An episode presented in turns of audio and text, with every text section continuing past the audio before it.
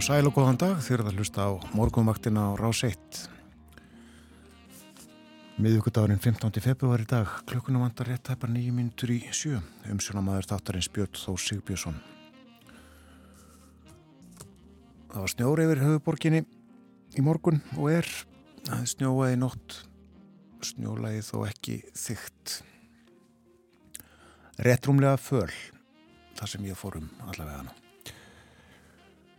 og uh, ágættis veður bara á landinu sínist mér uh, viða einstirsfrost eitthvað svo leiðis og almennt hægur vindur. Einstirsfrost til dæmis í Reykjavík suðustan þrýr metrar. Svipaðuður á kannari einstirsfrost þar og einstirsfrost í stikisólmi skíjað sunnan fjóri metrar. Minus einn gráða á Patrísfyrði og hitti við frostmark í Bólungavík vestan þrýr þar Logg á Holmavík og einstigsfrost, fjóri metrar á Blönduósi, einstigsfrost, en þryggjastega hiti á Söðunisvita, sjö metrar þar sunnanátt. Eingraða á Akureyri, léttskíja þar, söðustan fjórir.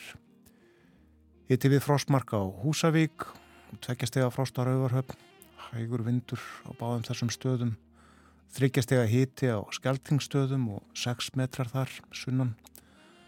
Hitti við frostmark á eilstöðum, heiðskýrt þar, hægur vindur, tveggjastega hitti á höfni Hortnafyrði, hitti við frostmark á Kvískerjum, einstegs hitti á Stórhauða, 10 metrar þar fór í 23 mestu kviðu, tveggjastega frost í Arnesi, fjögur að fimmstega frost á Hálendinu, eitthvað svo leiðis. Og hugleðingar veðurfræðings, það verður suðlag átt á landinu í dag, vindræðin 8 til 13 metrar á sekundu, jæljagangur, létt skíðað norðaustalands. En þegar líður á daginn þá kemur smá lægð upp að suðausturlandi með breytilari vindátt og snjókomu. Úrkomusvæðið fer svo norður yfir austurland í kvöld og næstu nótt og á morgun verður vestlæg átt, 8 til 13 með jæljum, austast kvassara 10 til 15 og þar léttir að mestu til.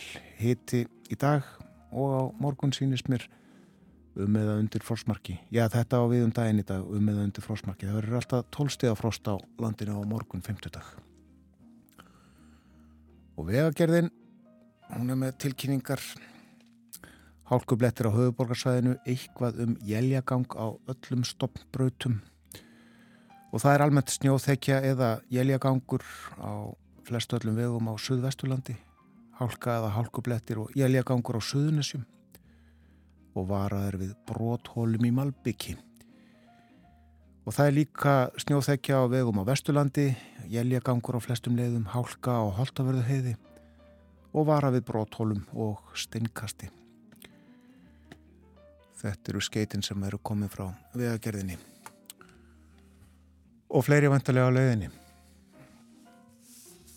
Það voru fjórir að taka bensin á orkustöðinni í öskjuhlíðinni þegar ég fór þar hjá upp úr hálf sex í morgun.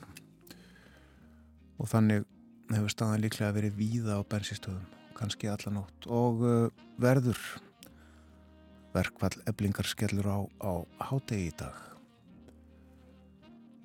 Meira en þau mál á eftir fjallaðum þetta í blöðum og uh, í veffréttum og við ræðum þessi mál líka í þættinum í dag meira um það á eftir En já, miðugudagur í dag vinnum við kann hálnuð og uh, mánuðurinn, februarmánuður rétt rúmlega hálnaður, 15. 15. februar í dag Við setjum lagafónin hlustum á uh, Dolly Parton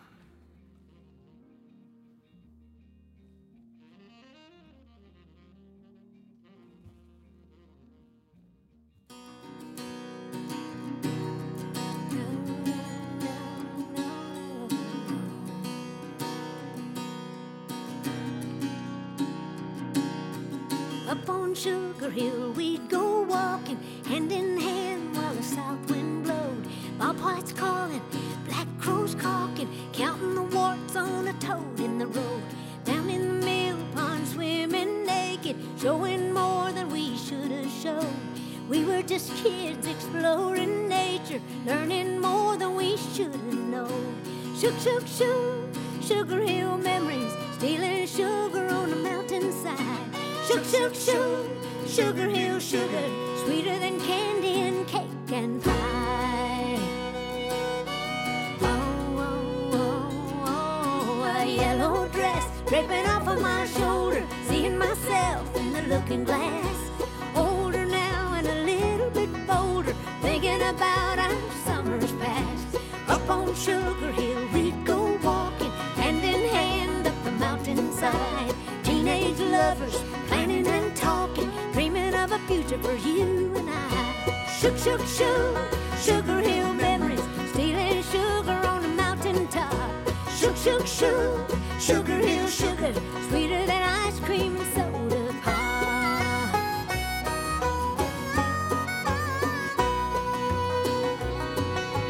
Years have passed, we're married with children. Our days are happy, our memories fond. We still find it Sugar Hill as we're making in the pond. Shook, shook, shook, Sugar Hill memories, stealing sugar on a mountain top. Shook, shook, shook, Sugar Hill sugar, sweeter than ice cream and soda pop. Up on Sugar Hill, there's a wealth of treasure. Its memory lane, I go walking still. What it means to me is more than I can measure. Golden moments on Sugar Hill. Up on Sugar Hill with the fireflies glowing. Suffocating days and the whippoorwill. Honeysuckle blooming and the mountain streams flowing. A little spot of heaven on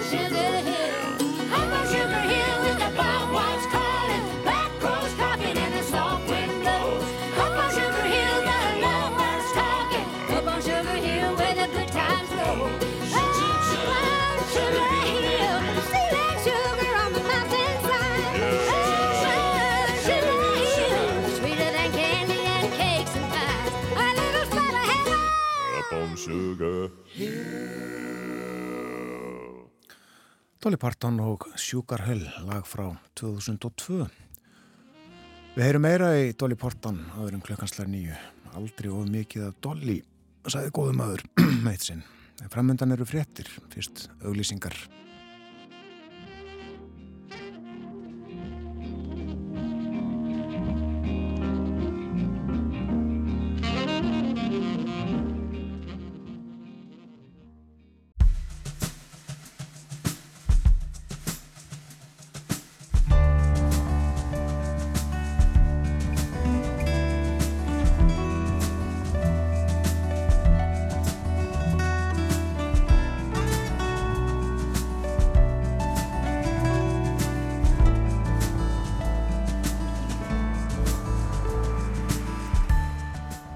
Morgunvaktin hilsar og býðu góðan dag. Það er miðugudagur 15. februar. Umsjónamaður þáttarins er Björn Þó Sigbjörnsson. Verkvall eblingar hefst á háti í dag og þá leggja niður störf bílstjórar í ólíudreyfingu sem á bílstjórar í vörudreyfingu hjá samskipum og starfsfólks á tilteknum hótelum og það er ljúst að áhrifin verða mikil og þau munu ná um allt samfélagið. Og til að ræða um þau áhrif verða hér Greta Maria Gretarsdóttir, hún er framkvæmtastjóri Arctic Adventure sem þjónustar Erlenda ferðamenn og Magnús Tóri Jónsson, formaður kennarasambandsins. Þau setjast niður með kaffi upp úr klukkan hálf átta. Eftir morgunfréttinnar flettu við dönskublöðunum með Borgþóri Argrímsinni. Hann ferði yfir það helsta í dönsku samfélagi og við sögu koma með alannars Margret Þórhildur Drottning og Mikkel Hansen handbóltamæður. Og svo tölum við svo litið um vatnavextina í fyrradag. Skemdir urðu á vegum víða, til dæmis í dölunum. Girðingar skemmtust líka en vonandi ekki tún. Við sláum á þráðin til Eyjóls Yngva Bjarnasonar, bónda í Áskarði og Oddvita Dalamanna og spjöllum um ástandið í sveitinni. En hvað sem líður vatnavöxtum og skemdum þá er sóknarhugur í fólkinu í dölunum eins og við heyrum nánar af á eftir. Nú, uh, það verður tokkalegasta veður í dag, uh, suðlega átt, 8 til 13 metrar og reyndar jæljagangur en bjartamestu norðaustan til. Og það bæti svo í snjókomu á austanverðu landinu sent í dag og hiti í dag um eða undir frostmarki. Á morgun 50 dag og á förstu dag verður svo vestlæg og breytileg átt 5-13 metrar jélvíða engum norðanlands og frosti þá 0-12 stig það verður kaldast inn til landsins. Á lögadag má svo búast við vaksandi sunnanátt með snjókomu eða slittu en bjartviðri norðaustanlands. Hitti á lögadaginn 0-5 stig, vægt frost á norður og austurlandi. Og sunnudag sunnan kvassviri eða stormur með regningu hiti 5-11 stig snýst í suðvestanátt með jæljum og það kólnar um kvöldið verður lengst af þurrt norðaustalands. Og á mánudag þá verður vestlag átt með jæljum snýst í sunnanátt með regningu. Þetta er veðurhorfur næstu daga. Og þá er það vegagerðin, eh, það eru hálkublettir og eitthvað um jæljagang á öllum stoppbrautum á höfuborgarsvæðinu var eh, snjór yfir. Í morgun snjóaði í nótt sem sagt. Og á söðu vesturlandi snjóþekja og jæljagangur á flest öllum vegum, hálkaða hálkublettir og jæljagangur á söðunessum það er varaði hættu á bróthólum í Malbyggi og það er snjóþekja á vesturlandi jæljagangur á flestum leiðum hálka er á holtaverðu heiði og varaði bróthólum og steinkasti og uh, svo er uh, satt frá því að vegurinn í botni Norðdals, sunnan Stengrisfjörðarheðar er einbreyður, skemmtir í slitlægi en það er snjóþekja á flestum fjallugum á vestfjörðum, hálka á flestum öðrum leiðum. Það er að segja þeim sem búið er að skoða og uh, ítalegri upplýsingar eða upplýsingar eftir uh, því sem að það er uh, likja ljósar fyrir verða færðarinn á vef vegagerðarinnar. Það er ófært norður í Árnesrepp. Og það er hálka og jæljagangur á Öksnandalsheiði, hálka einni í Húnavarsíslum, en annars greiðfært víða um Norðurland, aðalega með ströndinni. Og uh, vegurinn í miðfyrði er einbreyður vegna vatnaskemta. Og það eru hálkublettir á Mývas og Mörutalsöðrafum, greiðfært á öðrum leiðum. Við lítum í blöðin, byrjum á morgumblæðinu og uh, á uh, fórsíðu þess er mynd af Sigurði Sverrisinni, hann er oljubílstjóri hjá Skeljungi, var að vinna í gerðkvöldi, hvaðast í samtali við Blaman hafa fundið fyrir auknu álægi síðustu daga og uh, hann uh, nefnir uh, um þetta aukna álag uh, hefur verið meira að gera síðustu daga að í gær þá voru farnar sex ferðir til að fylla á eldsneiti töngunum hjá Costco. Yfirleitt eru farnar tvær ferðir á dag en voru sem sagt farnar sex ferðir í gær.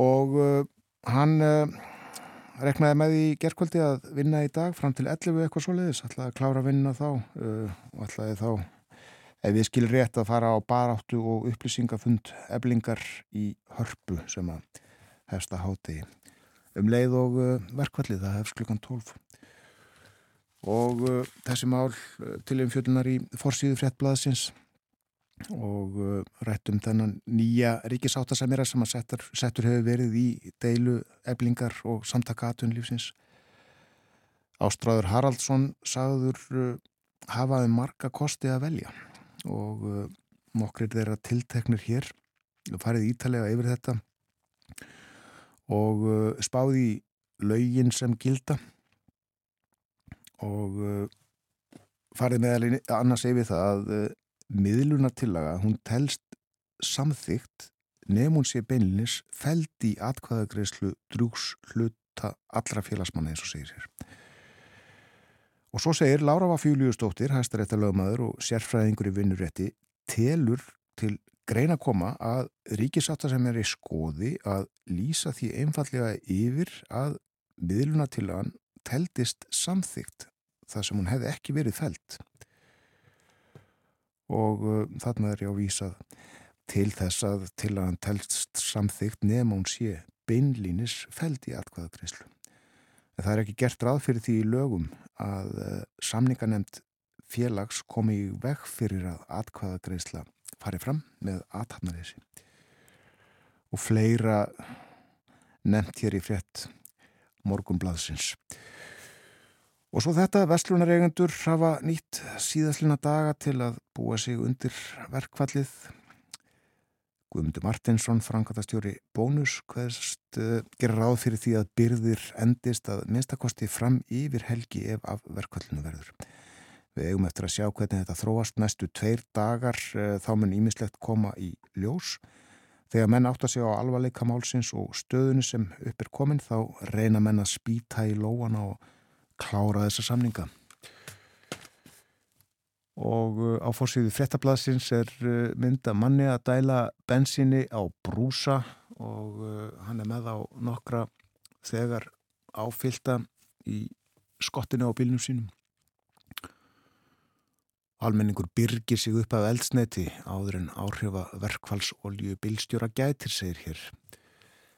En uh, svo er mynd á að uh, samningar nefndir funda í dag, fundur bóðaður klukka nýju hjá Ríkisáttasemjara. Og uh, svo er hér á fórsíður frettablaðsins niðurstuður kannunar. Landsmenn voru spurðir hvort þeir vildu taka upp evru og kemur í ljós að 52 2,2% vilja kasta krónunni eins og segir hér og taka upp evru. Fáir vilja taka upp dólar. Og já, þetta eru 52,2% sem vilja taka upp evru. 39,6% vilja halda krónunni. Og það er rætt hér við Jón Steindor Valdimarsson, hann er formaður Evrópur hefingarinnar og hann segir almenningur er farin að evast um að þetta fyrirkomulag með krónuna sé það besta. Hann segir niðurstöðunar ekki koma á óvart með að við viðhors breytingar í samfélaginu í Evrópumálum. Og það er nefnt hér að kjósendur viðreistnar eru hryfnastir af því að taka upp euruna 84%, 79% samfélkingar fólks, 77% pírata, 62% sósélista, 58% kjósenda flokks fólksins, 41% vinstri græna, 31% miðflokksmanna, 29% framsóknamanna og 26% sjálfstæðismanna. Fleira hér uh, úr frettablaðinu, blaði byrti í gær uh, nýðustuður könnar á afstöðu fólks til stjórnmáluflokkana og uh, Vafge kom bísna illa út úr þeirri könnun með 5,9% fylgi. Og svo staða er rætt við Drífu Líðstóttur, hún er formaður ungra vinstri græna. Hún segir að uh, flokkurinn sé að greiða ofhátt verð fyrir stjórnarsamstarfið og fósættisáþara stólinn. Þetta er mjög erfið staða. Ef eitthvað slemt gerist í samfélaginu þá bitnar það alltaf á afgi, segi Drífa. Og hún segir að ríkistjórnarsamstarfið sé að reynast flokknum dýrkipt við hjá UVFG, ungum vinstri grænum, Við höfum aldrei verið hlind þessu ríkistjórnarsamstarfi. Það er eins og ríkistjórnarsamstarfið skipti meira máli en annað, segir hún. Þetta var í fréttablaðinu. En uh, aðeins meira verkbalsmálum undan þáu nefnd vegna verkbalsaðgerða eblingar uh, kom saman í gerkvöldi og sagt er frá þeim fundi á heimasíðu eblingar Nefndin samþykti ótímabundnar undanþáur til allra aðila sem sóttu um undanþáur vegna almanna öryggis. Þeirra á meðal eru allir helstu viðbræðsaðilar í neyðaþjónustu sem og þær stopnarnir sem að gegna likil hlutverki í samgöngu og upplýsinga innviðum. Og meðal þeirra sem að sóttu um fengu undanþáur og hafa fengið svar afhend eru ríkislauglustjóri, slökkvilið höfuborgarsvæðisins, Rauðikrossin, Strætó, ríkisútvarpið og vetrarþjónusta vegagerðarinnar. Og samtals voru samþyktar um 70 undan þá beðinir, segir Ebling á heimasíðinni. Einungis þremur var hafnað og í örfáum tilvíkum var nánari raukstuðningsóskað eða aðeins orðið við beðinni að hluta. Og uh, nefndin fundar aftur í dag en ná eftir að fara gegnum margar fyrirlikjandi umsóknir mest megnis frá smarri aðilum.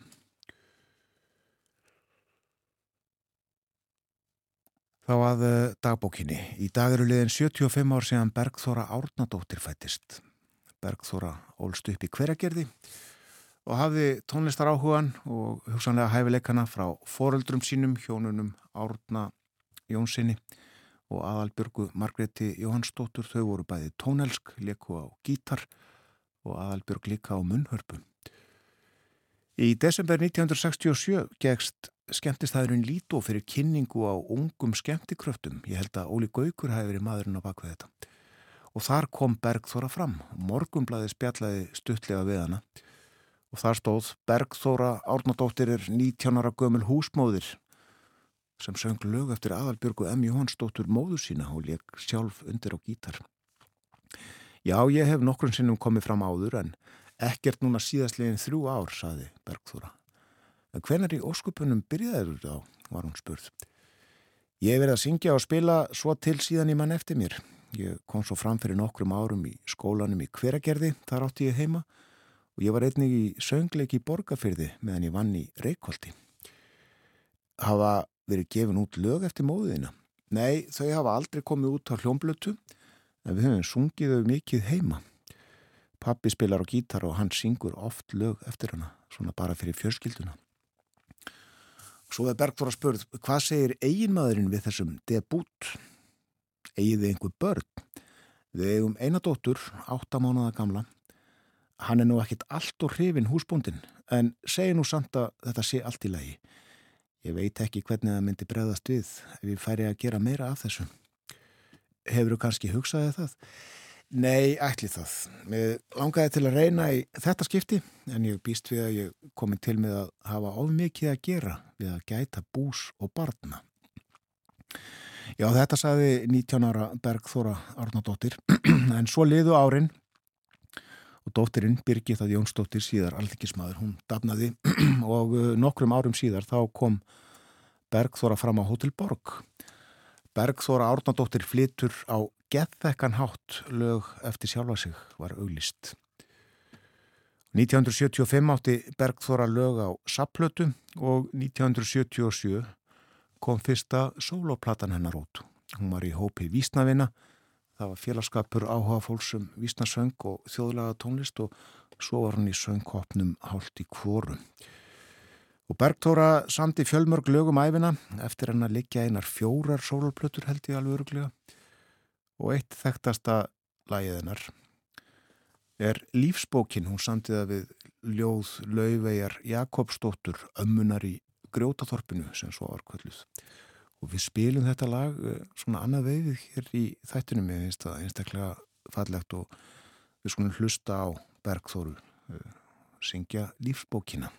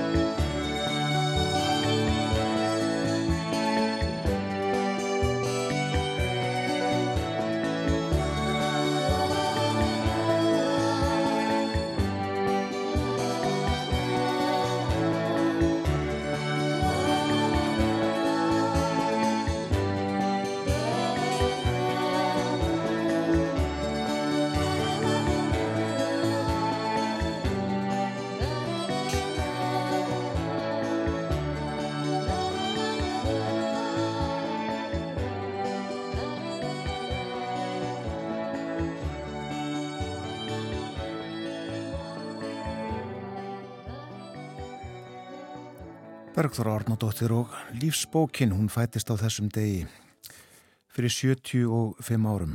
Hún lést í mars 2007. En á þessum degi 15. februar 1973 fyrir 50 árum lést Björgbúlfur Ólafsson, læknir með meiru.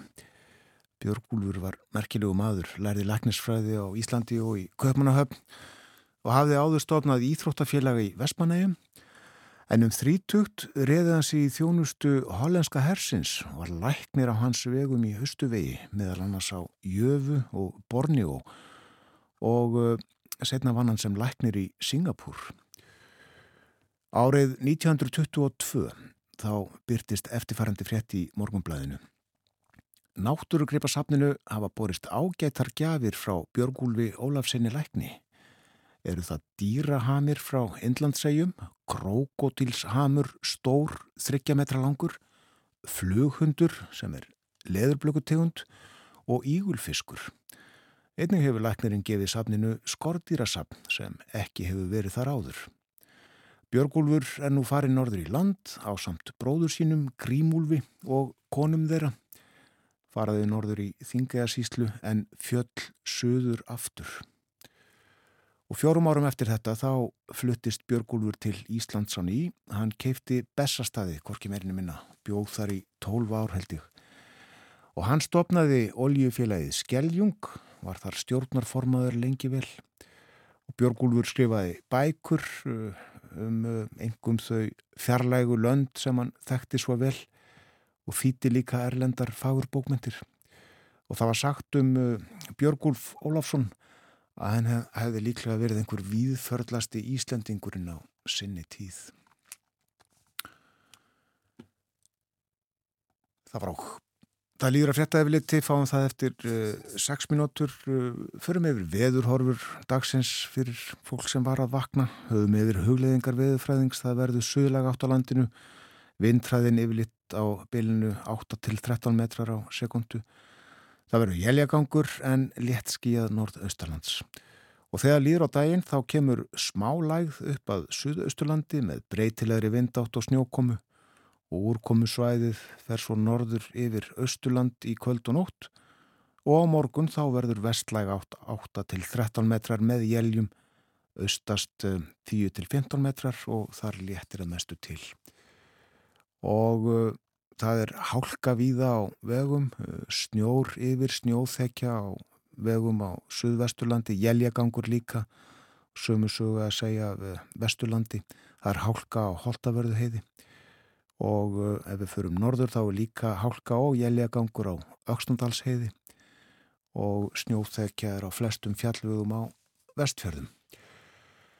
Nú, eh, Eins og útliti fyrir þá hefst eh, verkvall hjá eblingu í ólíudreyfingu og á hótelum og einni í vörudreyfingu á hádegi í dag.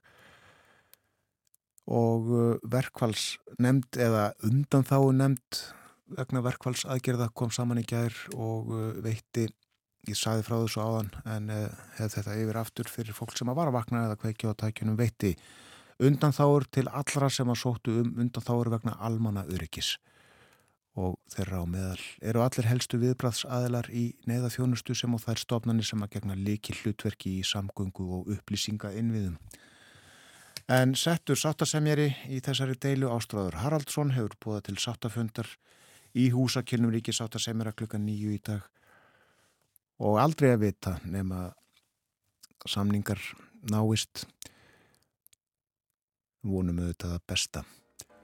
En uh, verkvallið og uh, áhrif þess á samfélagið verður rætt hér á eftir eftir frettæðilitið sem að kemur eftir stuttastund gestir hér í þættinum verða Magnús Þór Jónsson formaður kennarasambandsins og Greta Maria Gretastóttir hún er frangatastjóri Arctic Adventures. Meiraðan um þetta á eftir. Ég minni svo á að Borgur Argrímsson verður með mér eftir morgun frettinar hvað er eftir að bau í Danmörku þessar dagana Við spjöllum um það og uh, svo melli hálf nýju og nýju verður á línu Eyjólfur Yngvi Bjarnason, hann er búndi í Áskarði í Dölunum og Oddviti Dalamanna, við ætlum að tala eins um uh, skemmtirnar á vegunum sem að það urðu vegna vatnavakstana og uh, tölum líka um ímislegt fleira. fleira sem er að frétta úr dölunum.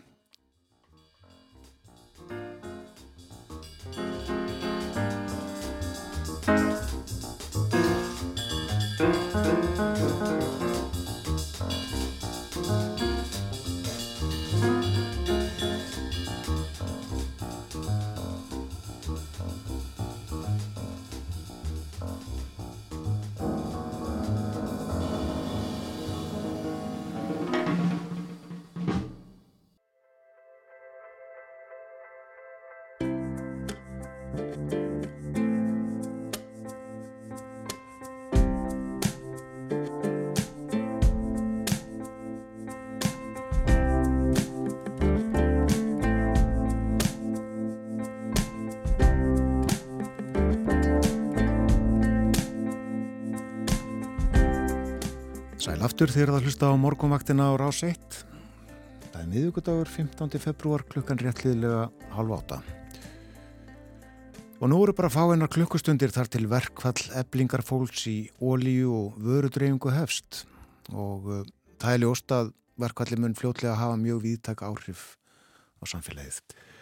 Og um þau áhrif verður rætt hér næstu mínútur. Hér eru Greta Maria Gretastóttir, hún er frangvátastjóri fyrirtækisins Arctic Adventures Það fyrirtæki sér ferðamannum fyrir allra handa ferðum og afþreyingu og Magnús Þór Jónsson, formaður Kennarasambands Íslands, verði velkomin í þáttinn. Takk fyrir það. Já. Hafið þið velt þessu mikið fyrir ykkur og áttið ykkur vel á hver áhrifin verða nákvæmlega af þessu verkvalli? Já, ég held að séu allir að velta þessu fyrir sér, um, bæði bara svona áhrif kannski á heimilislífið en líka kannski á þann rekstur sem maður er með og það er erfitt að Já, það er erfitt að segja hvað verður eftir nokkra daga en ég held að það sé allir að skoða hvað aðgerðar geta gripið til og hvernig þeir alltaf, já, minka skadan. Ég held til skamstíma að þetta er þetta fyrir fyrirtæki sem er í rekstrins okkar, verður fjárherslu skadi en til lengri tíma þá maður veltum við sér líka svona orðspórs fyrir landið. Hvaða áhrif hefur það ef það myndast óstöðuleiki? Svona nýkomin út í COVID-19 sem er talsegart áhrif á farðarþjónustuna? Já. Það er nú náttúrulega þegar í, verk, í, í, í gangi verkvall á uh, nokkrum hótelum í Reykjavík. Hafið þið fundið fyrir því? Einhver, einhverjir sem hafa alltaf að koma og fara í ferdi á einhver hætt við að koma til landsins eða eitthvað slíkt? Ekki ennþá hætt við að koma til landsins af því það hefur verið gisting en það hefur verið núna festa skipti erfitt fyrir okkur að fá gistingu í Reykjavík í februar þegar það eru svona mörg herbyggi sem eru bara lukð og það verður að sjálfsögðu alvarlegt ástand hérna eftir nokkra daga eða verða nokkur þúsund manns á verklangi sem að venjulega er inn á hótelum og hvort það verði fjöldi hjálparstöð eitthvað sem verður opnað ef það er ekki hægt að komast inn á hótel. Það mun að sjálfsögða hafa áhrif. En þið eruðu þetta með uh, alls konar trukka og önnur faratæki sem að þurfa bensin eða olju og mikið af því. Já, við þarna erum líka að fara mikið út fyrir höfuborgarsæði þannig að við bara munum gera eins og getur. Það er allir bílar fullir núna og svo þarna reynum við að taka eins mikið við getum fyrir utan höfuborgarsæði áður en bílarnir koma í bæin.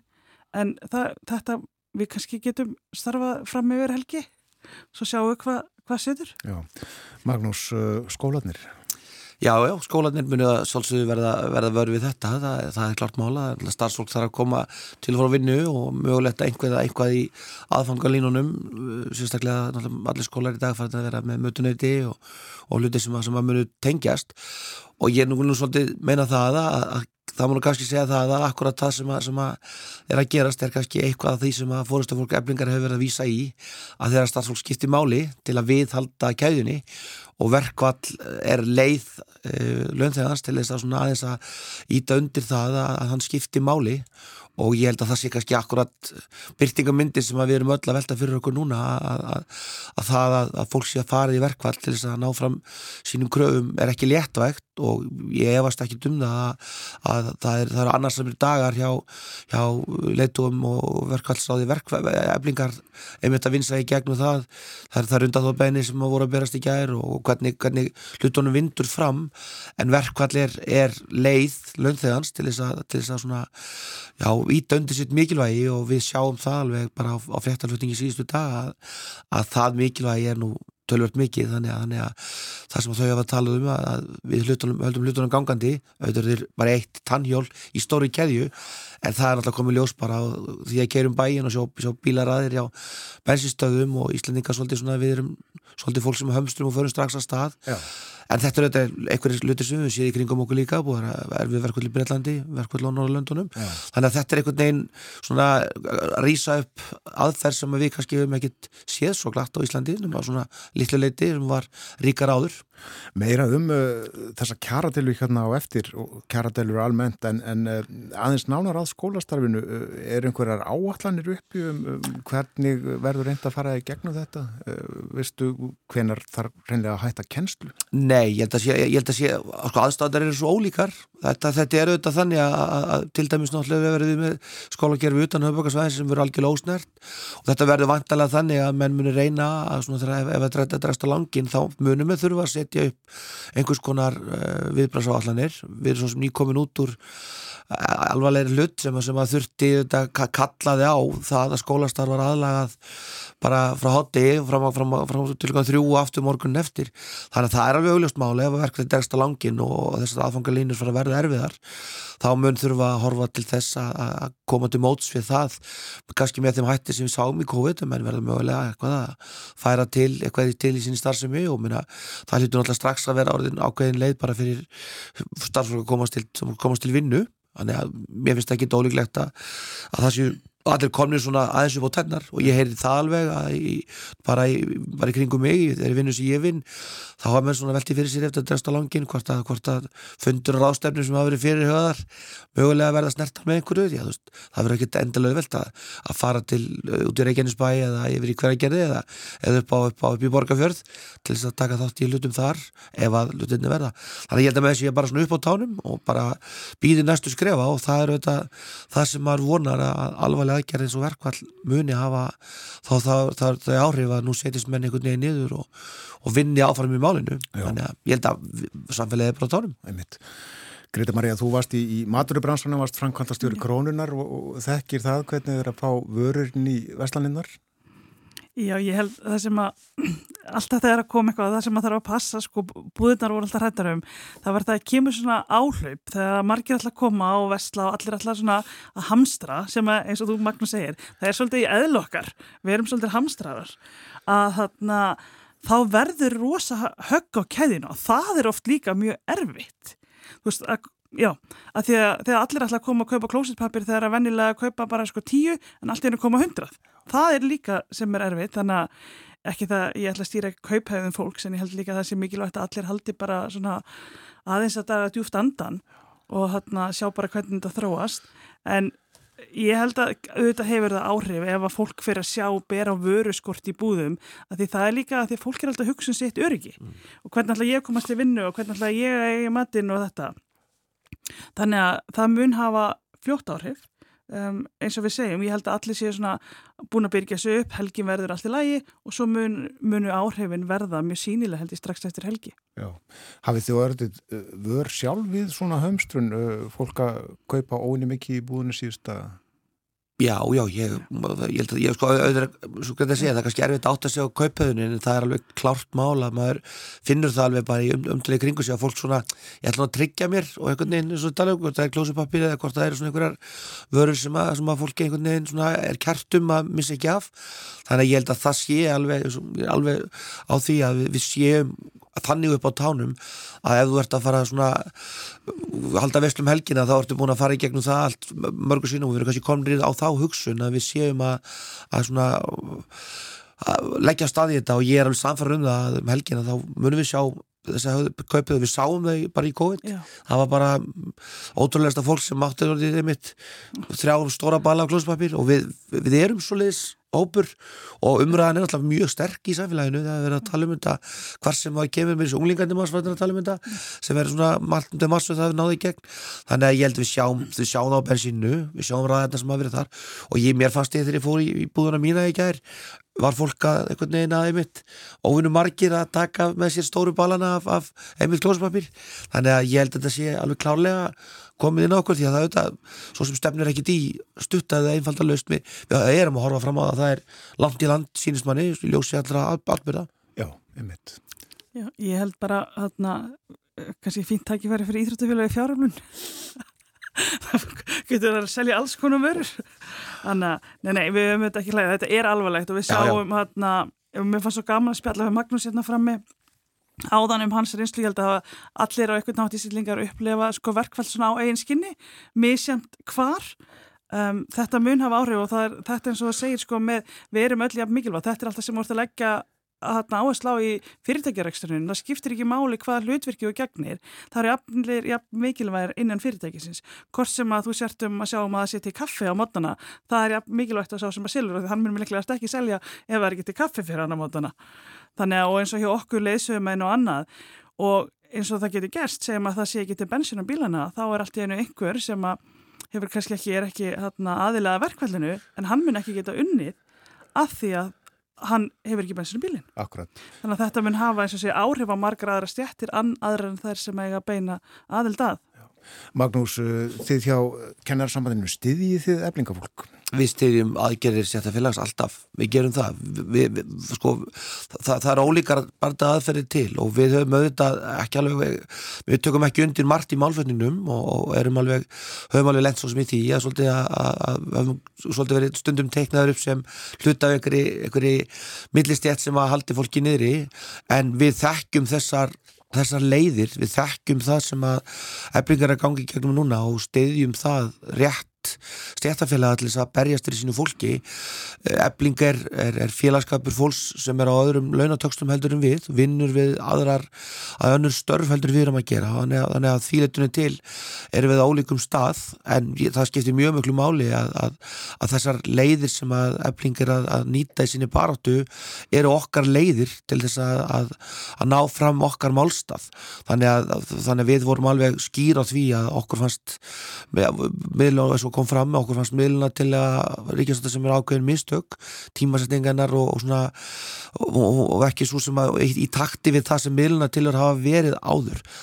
Stjættafélag bara að hafa ákveðna leikreglur og okkar eina sé, okkar, okkar, okkar svona stærsta og mesta haldreipi er það að ef okkar málstæður næri ekki eirum og við fáum ekki uh, það, það, það rött við borðið sem við, við viljum ná í stjættafélagin, þá er þetta eina leið sem við höfum og, og, og við stiðjum eflingu í, í þeirra aðgerðum og bara treystum á það að, að, að, að þeirra, þeirra viðsjömyndur setjast niður með þeim og ræði við þau vegna það hefur alveg verið þannig að umræðan hefur rosalega mikið snúmust um laga tækni fræðilegar aðstæður og verið að rína í störf ríkisáttarsemjara eða, eða þessi, þessi reglugerð sem hefur verið í gangi.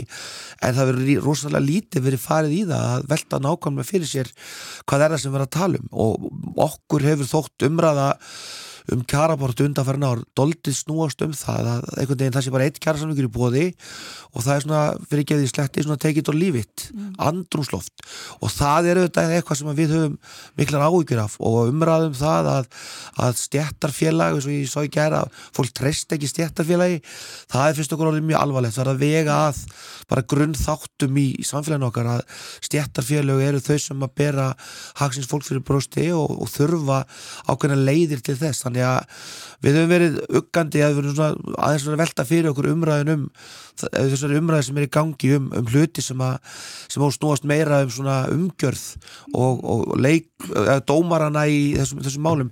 Heldur en nákvæmlega það, þannig er, er kjaradeila fólk sem, að, sem vil fá, fá bætt kjör. Og ég myndi alveg vilja svona, að þess að ég ætla að skipta mér eitthvað fréttamenn að tala um, að þá er hann kannski stundum allt í lagi að spurja einmitt þá sem að reyka hótelinni eða þá sem að reyka fyrirtækin veist, finnst þér verjandi að, að vinnustæðarinn lokist gegn því að verja það, það gröfu sem að þetta fólk er að fara fram með. Þannig að, þannig að við styðjum það alveg heilum huga stjættafylgjum hafa þessi ráð. Greta Maria, þú ert atvinnureikandi, er, er ekki þetta að borga betur? Ég minnst þetta nefnilega mjög góð sem að Magnús segir sko, hvað, hvað liggur á borðinu? Um, ef það er eins og aðri samling, það liggur 10% hækkun. Og þetta er nefnilega eins og minnst þetta mjög góða punktur, það er ekki verið að ræða kostnæðin í öðrum verk, í deilu sem hafa verið og mér finnst þetta, þetta tröst og það hafa komið miðluna til öður það sem félagin sjálf hafa bara kosið. Akkur er það ríkisáttar sem er að kjósa? Akkur er trösti farið, hvað er það sem veldur, veldur því? Og þess er svona kannski orðræðu sem hefur breyst mjög mikið frá fyrri um, já, þegar það hafi verið baráttu um, um kjör. Um, 10% hækkun, það hefur áhrif á alla á launatökstum og svo þarf bara að segja, ok, hvað ef það kostar meira, hvað ætlar að hækka meira og hvað áhrif hefur það líka. Ég er ekki hagfræðingur, en mér finnst við svo oft svona einhvern veginn, finna okkur í sömu sporum. Ok, við ætlum að hækka laun og sem er gert hérna, við erum með, við erum með ríflegar hækkanir svona á hverju ári. Þetta er ekkit svona í öllu löndum í kringum okkur. Við erum að fá hækkanir á hverju ári. Það hefur áhrif aftur á verðlægið og þá vil fólk fá harri launa því að það er búið aukast á kostnæður með rekstur á heimilinu ég veldi hvort að sko svari sé í laununum eða hvar svari er. Að því ætluðu bara halda áfram í þessum spíral. Og ég, eins og ég sé, ég er ekki hagfræðingur en þetta er svona sem ég seti alltaf eftir mig hvernig ætlum við að leysa þetta? Húsnæðiskostnaður eru alltaf mjög hárið. Algjörlega, og, og það er, ég er alveg saman að því að, að við, við höfum undanferðin ár, við erum búið við stuttasamninga til að breyðast við alls konar efnaðarslegum hlutum sem hafa verið að koma upp. Og ef þetta sittir við vissulega í ástandi núna sem, að, sem hefur haft áhrif á okkur sem kemur utanfrá og, og, og verðbólgu, verðbólgu sprengja á og hlut sem er, er mjög erfitt að eiga við. Og það er þetta, væri þetta frábært að við myndum setja stæðis yfir stórumyndina Vist, hvað erum við að tala um að þetta litla hækjur af okkar ráði við? Og við erum aftur komin á þann stað, við erum kannski ekki komin aftur í þessar stóru kreppu sem við lendum í 2008, er þetta er þessar spurningar sem Gretar að tala um, er svo sannarlega spurningar sem við viljum fara að varpa upp. Við, við, það, það er allt og mikil áhersla í starfi stjættafélag að berjast fyrir stuttum kjærasamlingum þetta er, þetta er andurslóft sem er að verða, verða norm sem var ekki, við vorum í gamla dag, gamla dag kannski að semja til tveggja, þryggja ára núna erum við að verða með þessa stuttu samninga. Og það eru þetta alveg harrið sem hún segir hlutir eins og húsnæðiskostnaður e, e, þurfum við að fara að skoða skattkerðu okkar umræðum breyðubökin þurfum við ekki að fara aðeins að setjast yfir það að, að reyna að búa til þennan frið í samfélaginu sem við viljum öll. Það, ég lofa ykkur því að hafandi þekkt verkvall á öllum liðum frá því að vera nefandi gegn það að vera starfsmæður, gegn að vera stjórnandi þetta er, þetta er neyðarbröð og það ég, alveg á hreinu að þó að mynd, bara, myndirnar séu af fólki svolítið svona barda ham núna þá vill starfsmæður ekki vera í þessu sambandi við sín vinnuveitunda við okkur þykir ekki vandum það þegar við stöndum með verkvalli að vera að stoppa starfsmæður okkar af. Þetta, þetta er neyðarbröð og við verðum núna einhvern veginn að fara að horfa á þessu stóru mynd. Við hljótum að geta gert betur sem samfélag og þar þurfum við að horfa á þessar efnagslegu starfindir þetta þessi umræðum höfrungalöpið hún er ekki bara launþjóðanum að kenna, Nei. það er alveg hreinu að höfrungalæpið kemur til út af ég hvað sé bara því samfélagi þeirri, mm. þeirri mynd sem við búum við og við verðum fara að hafa kjartlis að rýna í hana og þú spyrir sko hvað sem atvinnregundi hvað vil maður? Maður vil fyrst og fremst stöðuleika og þú gerir einhver áallanir ég ætla að hafa svona margi vinnu, þetta er verðir sem ég get selt á og svo kemur eitthvað sem að hefur áhrif, það meiri kaupa eitthvað og hvernig ætlar að bregðast við þú þarfst að láta enda ná saman eins og í heimlisrekstunum, þá þarfst ekki líka að gera það í atvinnrekstunum og allar þá að hækka verðið og svo hækkar olíuverðið líka, það hefur áhrif á rekstrakostnæðin og svo hækkar húsnæðisleðurinn, það hefur líka áhrif á rekstrakostnæðin þannig að reyka fyrirtæki er ekkit öðruvísið að reyka heimlisi, þú finnir fyrir öllum sem hækkunum Já. og sem að séu launahækkanir að aðrar hækkanir, þá hefur það greiðlega áhrif og þú nærða ekki að velta því öllu yfir í, út í verðlæg Það er uh, svolítið skrítið finnst manni að, að, að uh, tala um að það sé ekki hægt að hækka launin en uh, svo er bara gríðalegur hagnaður í sumum fyrirtækjum. Og Já, háar argreislur að renna út úr þeim. Já, en ég veit ekki hvort að mér finnst 10% launahækkun alveg vera talsverð launahækkun. Og ég held að ég man ekki eftir og nú Magnús með meiri reynsli en ég um, svona tölum og þetta eru stuttir samningar. Þannig að mér finnst alveg mikið líka á borðinu og og þeir hafa verið samþektir af mörgum þarna, nánast bara öllum vinnumarkaðanum Já Það er alltaf að segja, sko, tölundar og það er akkurat það sem við kannski að tala um hérna að 10% launahækkun yfir 15 mánuði í verðbólgu sem verður 13% er það aktuál í 3% launalækkun og það er akkurat þetta sem er bara málið að ég er alveg samanlega greitu að talan 10% er, er, er, er ágæntist tala ef hún lítur á neina og sér. Og ég held að það sé bara að við hitt alveg á góðan búnbjörn með þessar argreifslur, við erum að sjá að bankarnir samtals er með 62 miljardar í 67, 67, já, 67 í, í, í, í hagnað og þú veist, þá erum við að tala um hluti sem að, sem að, sem að sko, við sem samfélag verðum að ræða veist, er það þannig í alvörunni að við, að við getum ekki einhvern veginn saminuð um það að þessi stöðleiki sem að Gretra kalla eftir sem að við viljum kalla eftir því að við, okkur finnst þetta ekki þetta, þetta er kláleiki að þessi stjætt að veli vill vera að gera.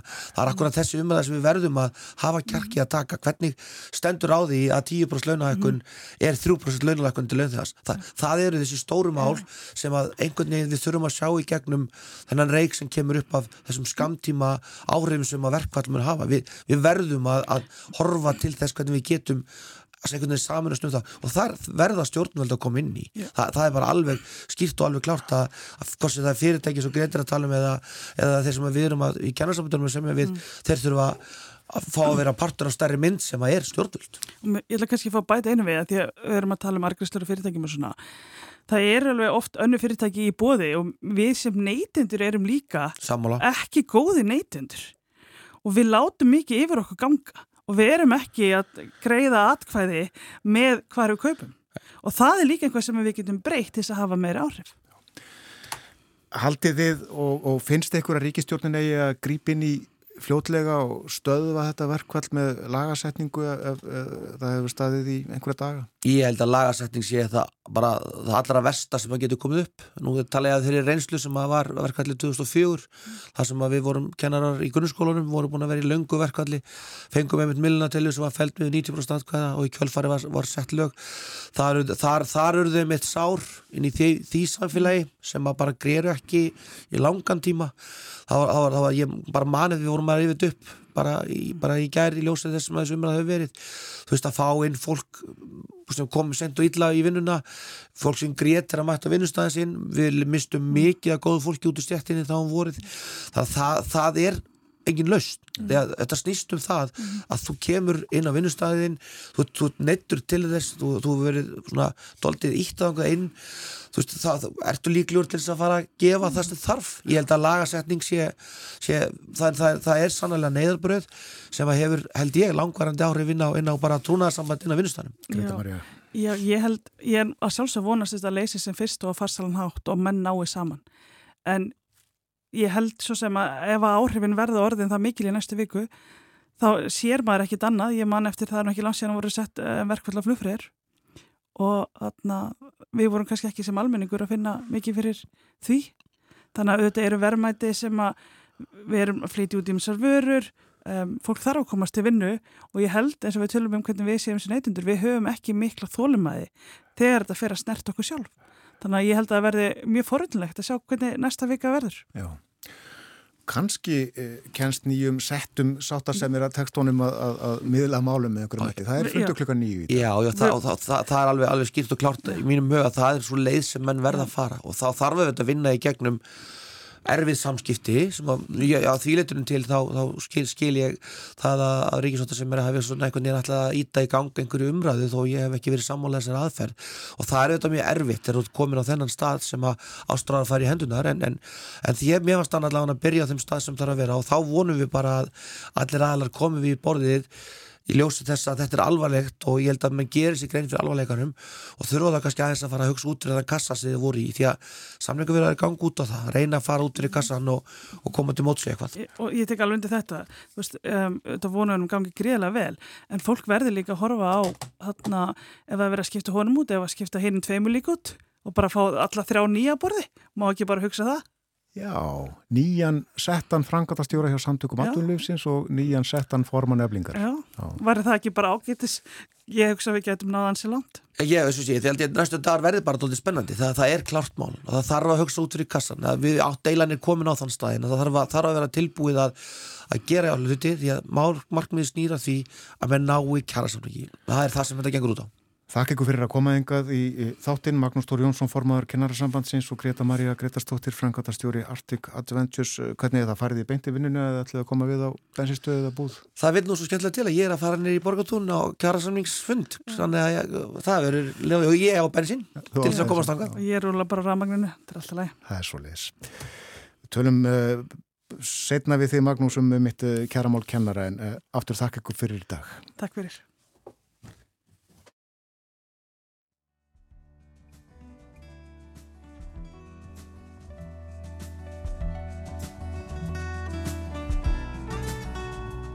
Magnús Þór og Greta Maria halda át í daginn og uh, viðin í fréttinnar kom eftir uh, fimm minútur dönsk málefni til umfjöldnar hér í þættinum að fréttum loknum.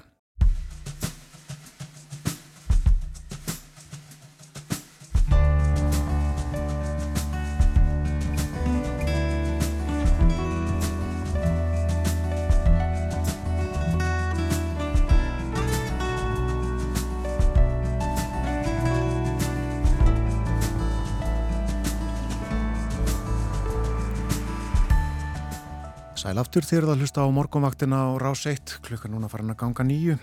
Það er miðugudagur 15. februar. Rættum hérna áðan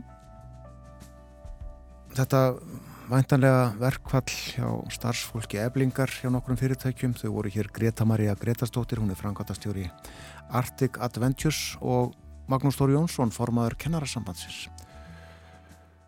Magnúsi líst illa á allar hugmyndur um að stjórnvöld grípi inn í með lagasetningu.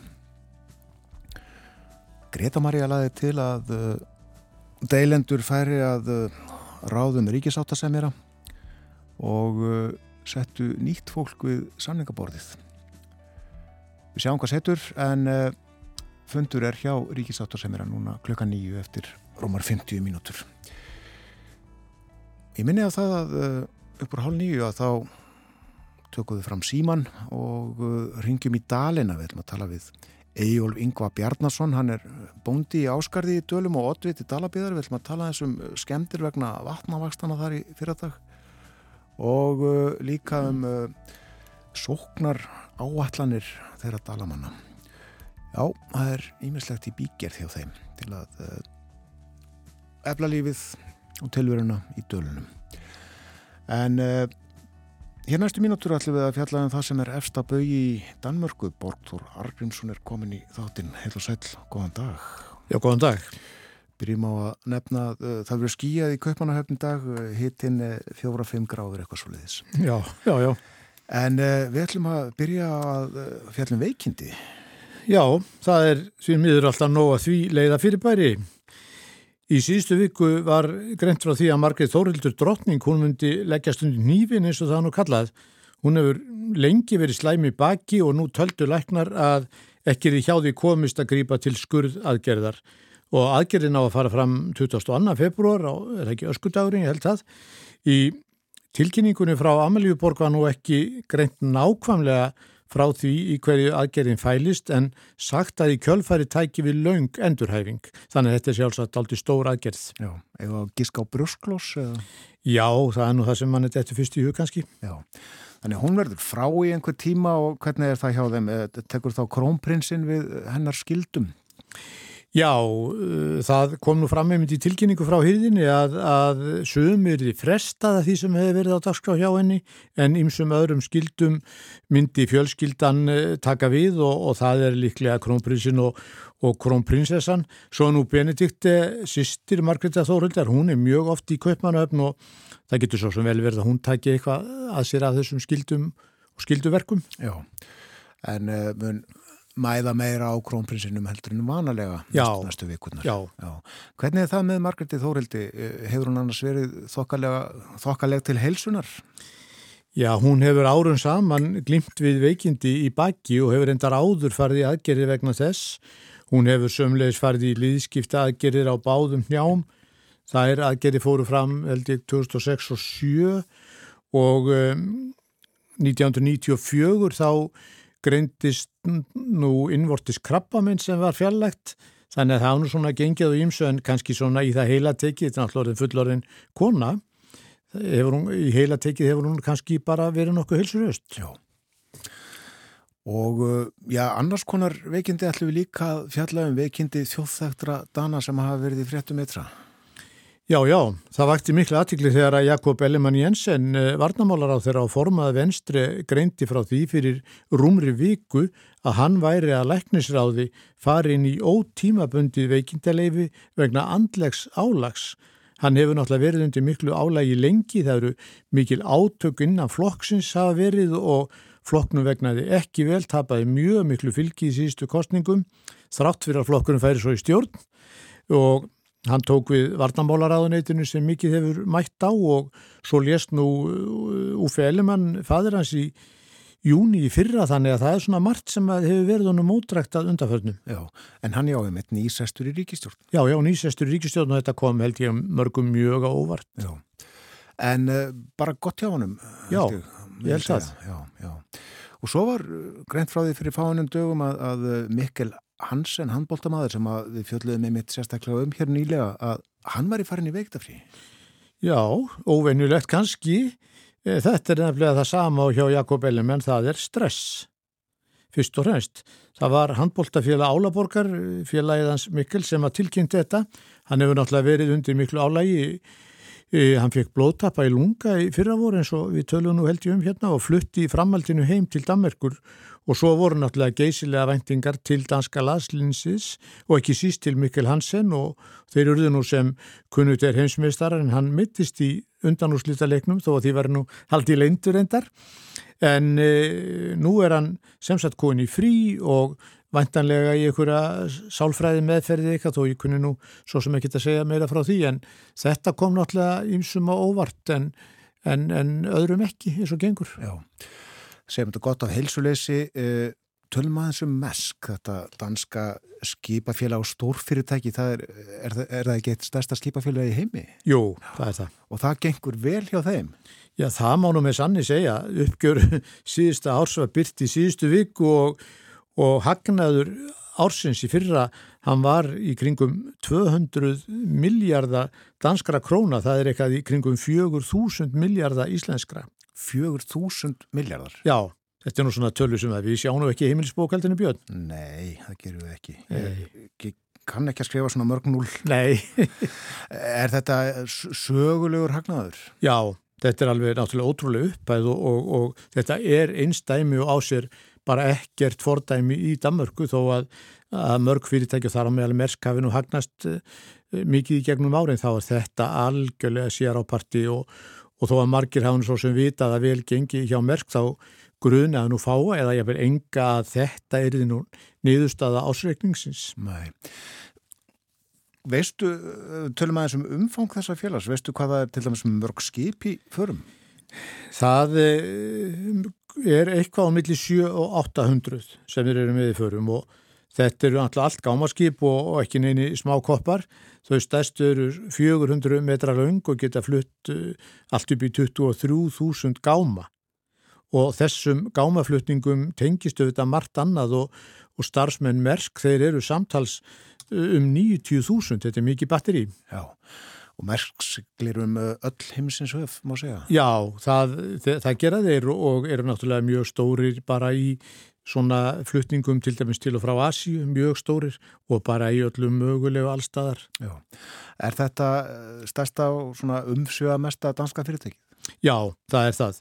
En þó að um, merk sé nú stærst ára auðvitað mörg önnur stór fyrirtæki í Danmörk og eitt er Karlsberg samsteipan sem er nú með 40.000 starfsmenn eh, viðaðum heim. Þeir eru geysistórir auðvitað og um, árið 2008 Þá komst Karlsberg inn á rúsneska markaðin og er nú stærstir eða næststærstir í bjórframleyslu þar í landi og með 8400 eh, starfsmenn þar, sérst í Rúslandi og eftir innrásina í Úkrænu eh, fyrir tæpa ári þá hættu mörg fyrirtæki þar á meðal dönsk starfsemi sinni í Rúslandi.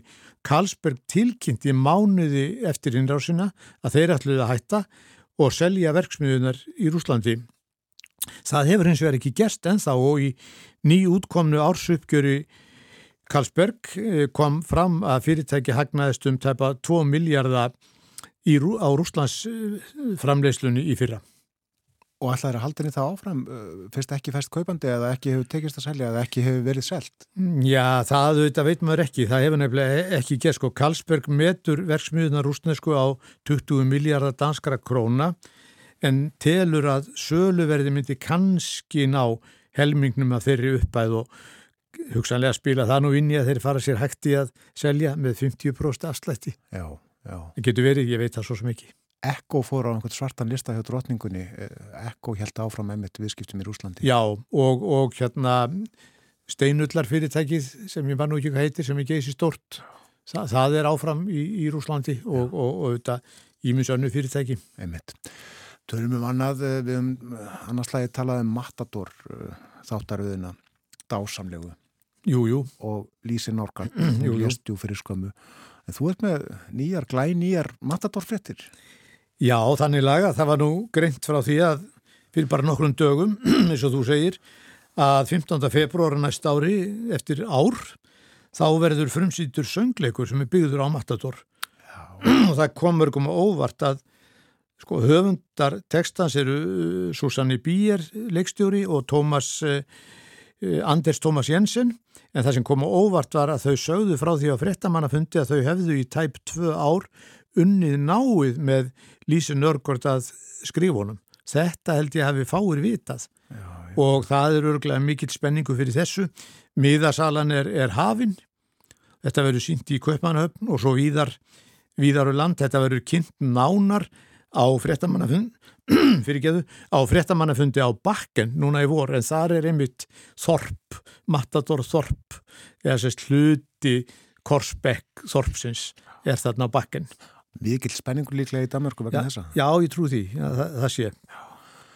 Það er einmitt það. Eh, Þá, já, áfram með tónlist, söngvakeppninar eru nú haldnar í Európaríkjunum sem ætla að taka þátt í söngvakeppni Eróskra sjómanstöða, hún er haldin í mæ held ég, ég held að um, úrslitin hér á Íslandi fari fram uh, fyrsta lögadaginn í mars, en það er búið að velja danskalagið.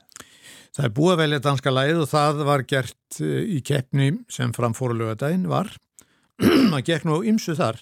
Það var allt í klessu með atkvæðagreisluna, eitthvað app sem fólk átt að nota og það virkaði ekki og brann yfir og guðum að veit hvað en, en það tókst nú vist að finna út úr þessu og, og allir fullvísaður um það að, að það að lag sem flest atkvæði fekk það sé, lagið, það sé vinnislægið og uh, flytjandinn hann kalla sér Riley eða Riley segja nú sumi dannitir reyndar hann samti lagið og textan á samt nokkrum félögum sínum. Hann heitir reyndar Rani Petersen þessi náungi, hann er tvítugur og er færeingur og það eh, þykir dönum aðteglisvert þetta er í fyrsta skipti sem færeingur kepp, keppir fyrir hönd Danmerkur í Eurovision. Já, já. Það stóð reynda mjög tæft að að taka þátt í undankeppninni því að hann hefði nefnilega tekið þátt í tónlistar hátíð í Suður Kóru í fyrra með þetta sama lag. Og að vera búin að flytja lagið áður ofinberlega er bannað en hann fekk eiga síður undan þáu, ég nú ekki séð neitt raukstunning fyrir því, en hann fekk undan þáu eða sérstætt leifi svona til að vera með í dönsku undankeppninni og, og vann sem sé. Þessi undankeppni hún fór fram í Nestveð en eh, eins og ég sagði áðan þá fekk skipulegið ekki háa engun hjá gaggrinendum og sem sögðu að það var ekki nóg með að kostningarnar voru svona uh, eitthvað gekk illa með þær heldur voru kinnarnir, þeir fengu afleitar umsagnir hjá gaggrinendum þeir eru verið óundibúnir og ekki tvita hvað er átt að segja næst og þetta er allt verið á sömu bókina lært alveg kól ómögulegt. Hver viðvarnings bragur á þessu? Já, mikill viðvannisbræður sem kjöman og daldi óvart en svona getur þetta nú verið. Já, það er talsverð áhuga á þessari keppni í Danmarku, er það ekki? Jú, það er það nú uh, svona mismikill held ég Já. En það fer kannski svolítið eftir því þeir náttúrulega eru fúlir yfir því að þeir hafa ekkert unni núna lengi og voru síðast með held ég voru síðast held ég með í undan keppnin 2019 eða hvort þeir voru þá með í úslitakeppninni en unnu svo hvað var það ekki 2013 síðast Ég man það ekki. nei, nei, Það er lengra síðan Olsenbræður unnur eða ekki? jú, jú, það var, það var, það var uh, 2000 En Þeir hafa unni síðan þá. Já, þeirra vunni einu, Emily, For, Emily D. Forrest, hún vann Já, já, já. þarna 2013 má ég segja og þá í framhald að því var, var um, náttúrulega aðalkeppnin haldinn í, í hérna gömlu skipasmiðastöðinni á, á refsalöðinu í Kaupanöfn, risa skemmunni þar. Akkurat. En já, eh, ef við ekki að hlusta á unga færiðingin. Jú, ég held að það sé rétt. Það er líf og fjör í þessu lagi. Breaking by Heart heitir það, það er nú ekki fyrsta lagi með þín efni og örglega ekki það síðasta heldur. Nei. Og við uh, hristum okkur með. Kæra þakki fyrir í dag, Borgþór Argrímsson. Já, takk som leiðis.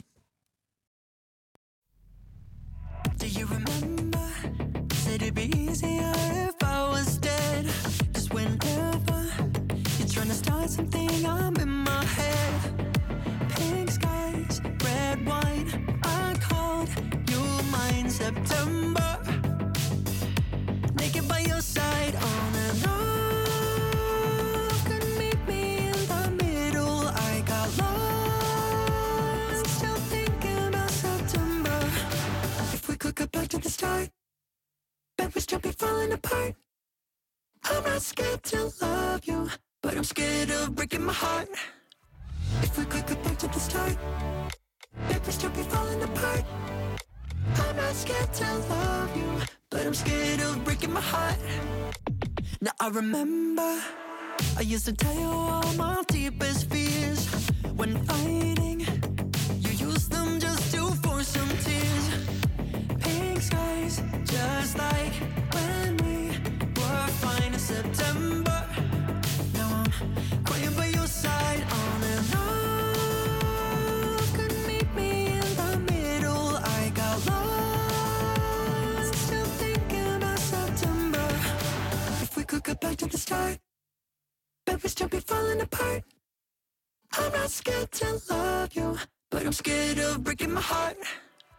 If we could go back to the start, bet we still be falling apart. I'm not scared to love you, but I'm scared of breaking my heart. Still breaking my. If we go back to the start, you still be breaking my heart. If we go back to the start, you still be breaking my heart. Off, can meet me in the middle. I got lost, still thinking about September. Could go back to the start, falling apart. I'm not scared to love you, but I'm scared of breaking my heart. Back to the start, falling apart. I'm not scared to love you, but I'm scared of breaking my heart.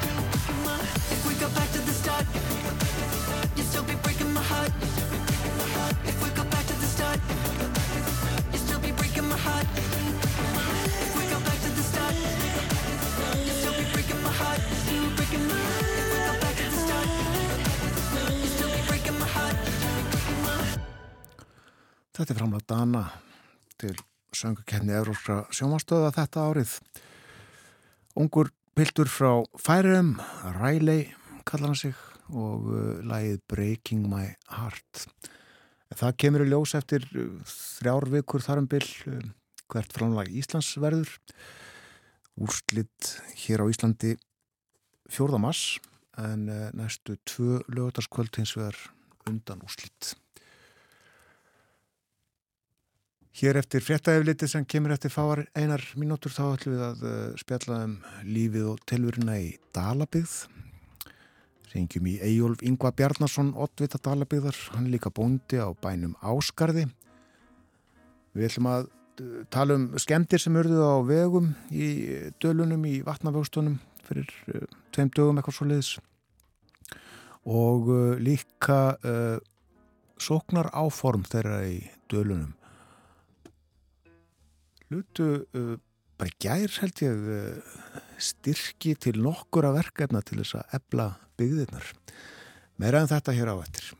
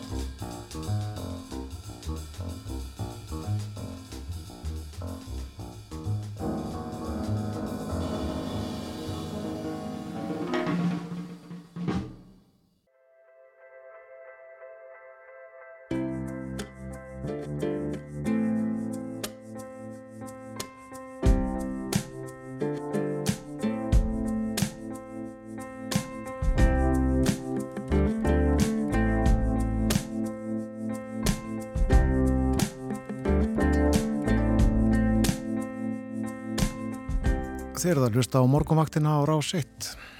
Klukkan réttliðlega hálf nýju. Það er miðvíkudagur í dag, 15. februar. Umsjónamaður þáttarins Björn Þór Sigbjörnsson. Við hugum að veðrinu, hugum yfir hugleðingar viðfræðings. Það verður suðlag átt í dag, yfir eitt á bylnu 8 til 13 metrar á sekundu. Jæljagangur en létt skíða nordaustalands.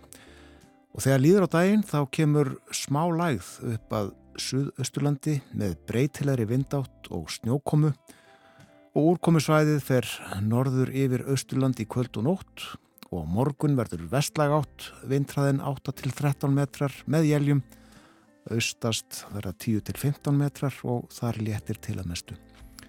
Hitti í dag verður öðru hverju með frostmarkið, með sínir sumstaðar verða kannski tækjast eða hitti eitthvað svo leiðis, annar staðar kannski einst tækjast eða frost eitthvað svo leiðis. En uh, við erum nú komin í uh, samband við Eyjólf Ingva Bjarnason, hann er uh, bóndi á Áskarði og Ottiti Dalabíðar. Heil og sæll og góðan dag. Góðan daginn. Ég fór hérna yfir veðurspá dagsins, viltu kannski segja okkur hvernig veðrið er hjá þér akkurat núna? Það er bara áskaplega svona fallegt og ljúft vetrarveður Snjó, og snjóföl á veginum í morgun þegar ég fór í þjórnsinn. Já, er farið að byrta hjá þér?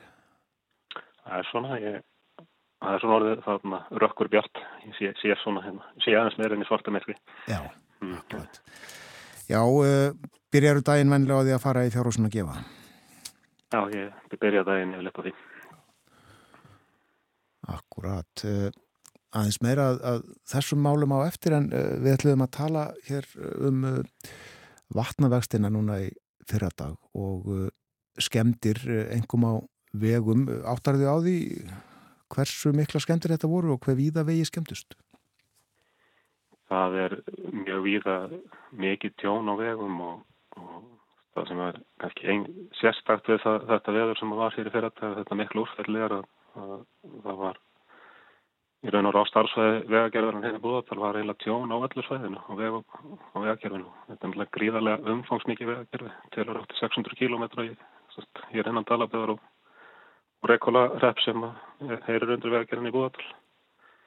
Þetta, þetta er raun og mest að tjóna vegum sem að starfsmennið þar mun eftir og ég heyrði í fréttum í geður að svæðistjórun hérna Vesturlandi mæti þetta tjón á allavega 40 miljónir, jafnvel meira.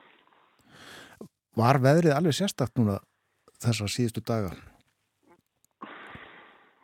Sjálfsvegar kannski ekkit sérstakt, það hefur áður ringt mikið en, en, en það var náttúrulega samhliða þessari miklu regningu var, var mjög lít og talsast mikill snjór til fjalla og líka síðan við að klaki í, í þarna ám og lækjafæri og mettir langan frostakabla fyrir vettur. Þannig að þegar öll þessi leysing fer á stað þá, þá eirir hún engu þegar þarna þegar svona mikið vatn þarf að komast til sjávar á sama tíma. Fossaður öllum hlýðum? Það foss, fossað úr öllum hlýðum og til að mynda áinn sem að rennur hérna í, í nákvæmni við myndbæ og millibæina áskarðs og skernastöðu. Þetta er eins og fjörður á að líta svona þann sólarring sem að allt vatnast við Svínadals og, Sælistals þarf að komast til sjávar. Sko. En hafði þetta lagast í gær? Já, já, það var búið að sjatna, sjatna mikið vatnið í gær og en, en það er, það er enn mikið vatn í allum lækjafærðum en talsvert, talsvert, talsvert minkað það er það sá á, á vassaðarmæli sem að það er einn vassaðarmæli til hérna í Talabíðanir í Haugadal og þar hækkaði vassborðið næst í Haugadalsvatnum næstu í meter á mjög stöttum tíma í þeirra dag en það, en það fóru, fóru þar fóru allt þar á kag og, og í bara urðu innilegsa komist, komist gorki að heimann, nýja heimattur um tíma því að það bara var vatn yfir veginu. Já, en það hefur allt saman lagast núna? Það er, það er, það er komið í lag núna. En skemmtirna víða verður í nægu að snúast til vegagerðin á verktaka á vegum í Dalabið núna næstu dag og vikur? Það eru er nægu verkefni fyrir það og það sem að við höfum helst áhugir af í, í sveitastjórnir að þegar það verður svona viðtakt hjón að að þeir fjármunni sem fara í þær viðgerið þessi bara teknir af almennum viðhaldsfjármunum og, og vegagerið vegagerið hérna hefur skort viðhald á undanförnum árum. Þannig að þegar verður svona tjón þá í raun og veru þarna verður það ekki það fyrirbyggjandi við sem þarf síðan eiga sér stað. Þannig að vegakerfið það er vel plástur og sárin núna að reyna að lega þannig að allir komist leiða sinna en, vegakerfið batnar ekki þetta nema það þarf að gera stóra átak bara í því að halda áfram viðhaldi vega sko. Og, helst að koma sérstök fjárveiting í svona veikir en ekki taka, taka það af fyrirbyggjandi og almennum viðhaldsjármennum. mitt. Eru vegir almennt ekki góður í þinni sveit? orðaða þannig að það er allt og mikið að malavegum og, og, og, og þarna þeir þarna skemma aukutæki og, og við erum með Dalabið er að því leitunum til dreifbílt samfélag að 60% íbúin að búa í dreifbílinu og stórleitu skólabarna sem fer í grunnskólan í jöðarskóla þau koma með skólabíl og, og þurfa að fara eftir í raun og veru bara ónýttum vegum. 2 klukkutíma á dag. Og veist, við, við erum hér innan Dalaböðar sem hefur verið mikið umræðið, við erum náttúrulega skóastrandarvegur sem er stærsti stoppvegur á Íslandi sem er ánbundið slillags. Þeir eru svo utan, utan tengivegi marga sem eru, eru án þarna bundið slillags. Var uh, á áallun að laga veginn um skóðslund?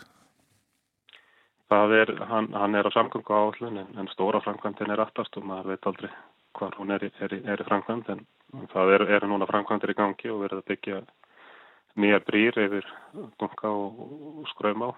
Þannig að það er, það er 5 km kapli í gangi núna. Já. Við sjáum hvað setur í þessum efnum, uh, segjum þetta gott að vegum. Uh, skemmtist eitthvað fleira í þessum flóðum?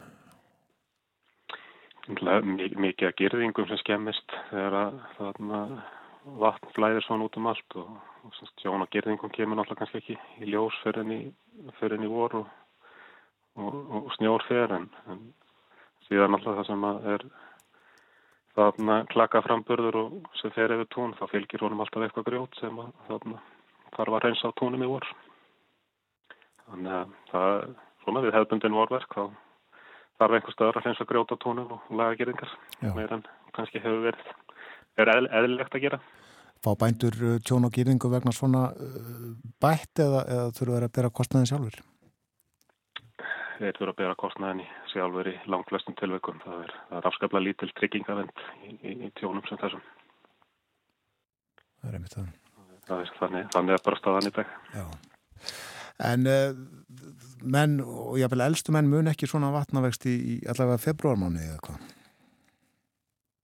Nei, ekki, ekki, ekki í februarmánuð en þetta er náttúrulega fór bara saman sagt, bæði mikið úrfelli samhliða sem sagt, mikilli leysingu hér í áskarið er nú veður aðtónustöð á vegum veðustofunar og sólarhengsúrkoman frá sunnudagskvöldu og fram að hátti á mánudag var 55 mm sem að svona er með, er með meiri sólarhengsúrkoma hér en, en, en ekkert, endilega mesta sólarhengsúrkoma sem við mælst hérna frá því að mælingar hóast fyrir 30 árum.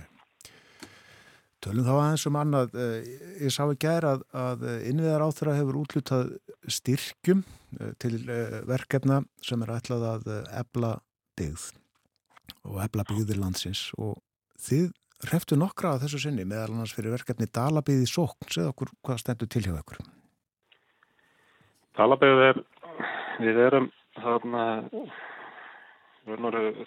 verkefni að samfélag bara í, í sókn, við erum, fórum inn í verkefni fyrir það sem að, að þarna er á vegum byggðastofnunar og kallast brotætta byggðir, sem að að verkefni heitir hér endar Dala auður og snýra því að reyna bara að byggja undir jákvæða íbúafróun og, og, og markaðsetja þarna samfélagið og og eitt liður því og við var að við sóttum um núna í, í byggðaáallun.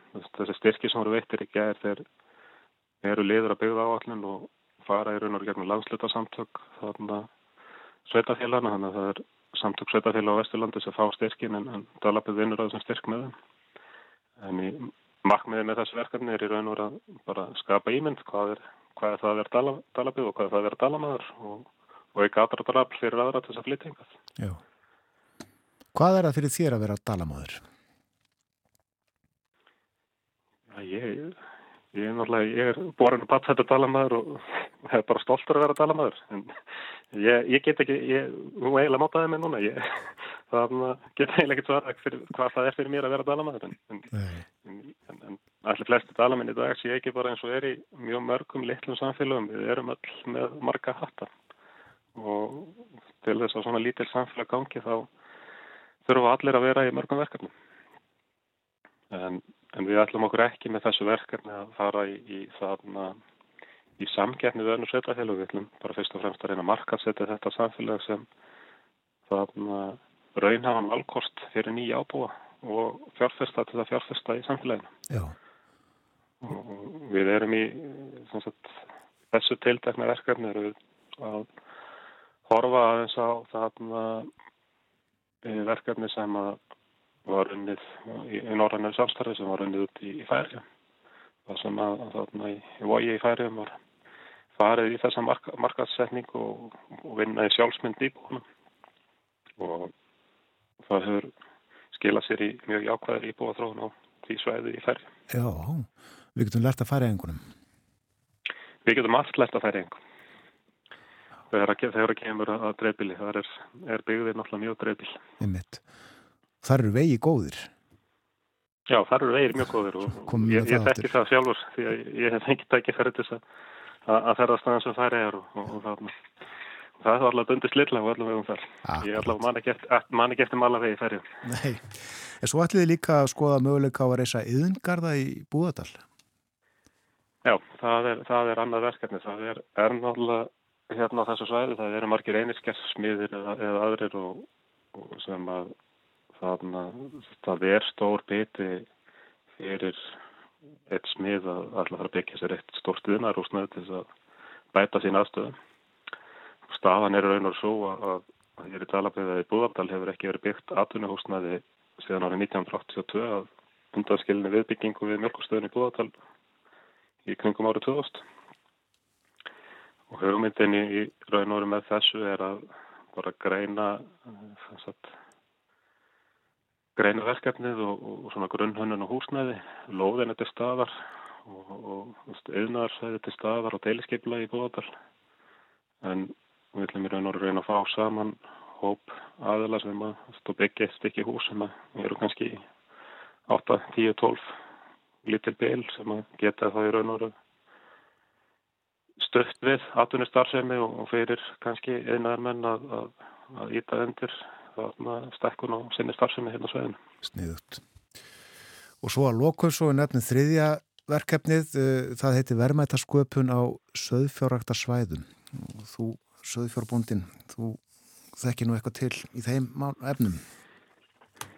Já, já, ég þekki, þekki það. Það er náttúrulega bara staðreind að, að og, og það er það sem enginn er náttúrulega samfélagið hér í Dalabögð að, að hér eru atvinnutekið frekar lágar og það er náttúrulega þar er stór breyta í því er að, að afkoma í söðfjörðrækt er þarna er slögg og, í skýslu björnstofnuna sem við gefum út í fyrra þá ef við förum í svona höðatölu samanbyrð sem við gerum oft Íslandingar að þá er hæst hlutfall söðfjörðbúa sem hafa fleirin 300 vetrafóraða kindur per hverja 100 íbúa í talabygg en það vil nú síðan svo til að, að þarna við talabygg Reykjólreppi ströndum og hún að þingi vestra þá er þetta hlutvall per 100 íbúa hæst á, á landinu og þetta er allt aðlikjandi sveitafélag.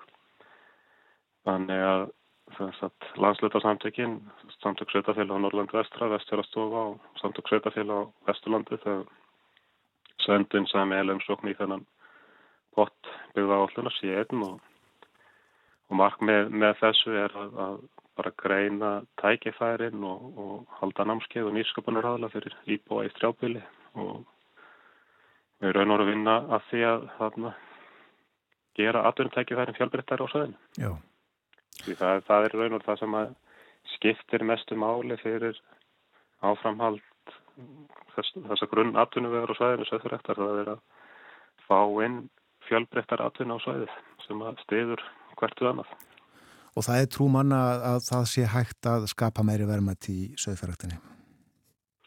Já, já, það er hægt að skapa meiri, meiri verðmætt í, í, í söðfjörðræktinni en, en það er hins vegar ekki kannski allir að fara í það. Svömir vilja í, í raun og orð kannski bara vera söðfjörðbændur og, og geta sendt sína greppi í slátrús og þeir þurfa líka að hafa þá viðandi afkomið fyrir það meðan að aðri geta haft kannski færri greppi og, og, stundað einhverja heimavinslu og, gert sér meiri verðmænt á því svo sem öllarvinslu eða, eða kjötvinslu. Já, Eftir eftirspurn neytenda er held ég meira eftir meira beina samtali við frumframlegendur og, og beina minnskiptu við þá. Það er svona allavega aukin áhuga á því. já, akkurat. Við fylgjumst með þessu, vonum að þetta gangi allt saman vel. Eh, Ég fekk skilabóð hérna sendi í morgun eftir að hafa sagt frá því kynningu að við ætluðum að spjalla saman. Skilabóð þess efnis að þið verður líka að fara að byggja íþrótahús og sundlögu í Búðardal, það stendur mikið til. Já, já, það, það stendur mikið til. Stað, staðan er svo að, að, að, að í Búðardal er ekki, er, er ekki íþróttaðstæð, hvorki íþróttahús eða sundlög. Grunnskólinn er þar.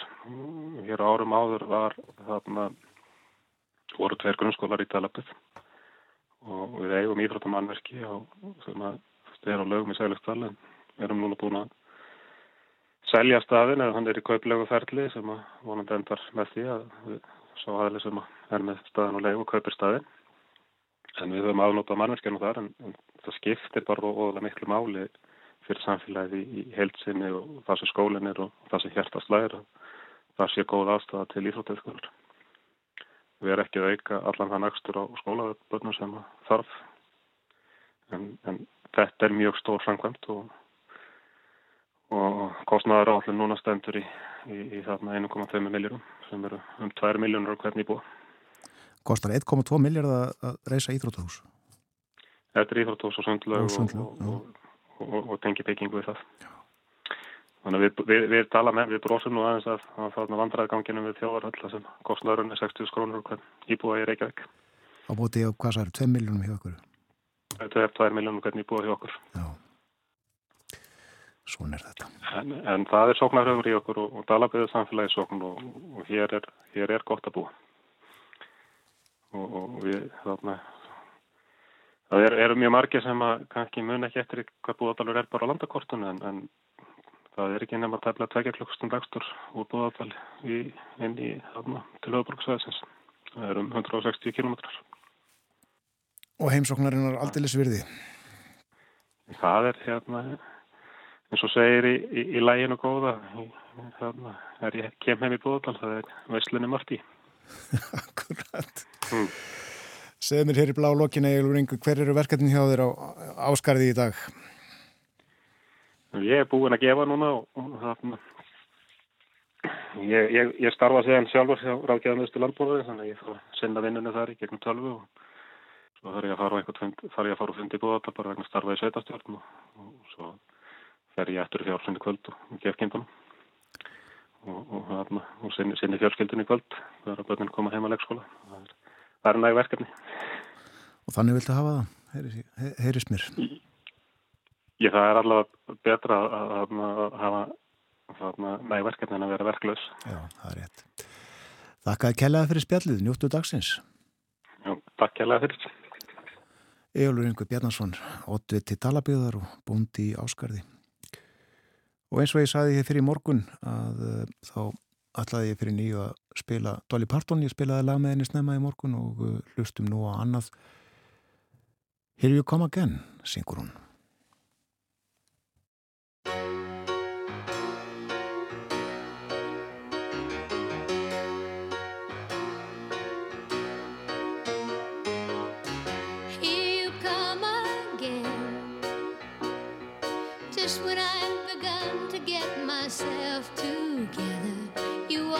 In the door, just like you've done before, and wrap my heart round your little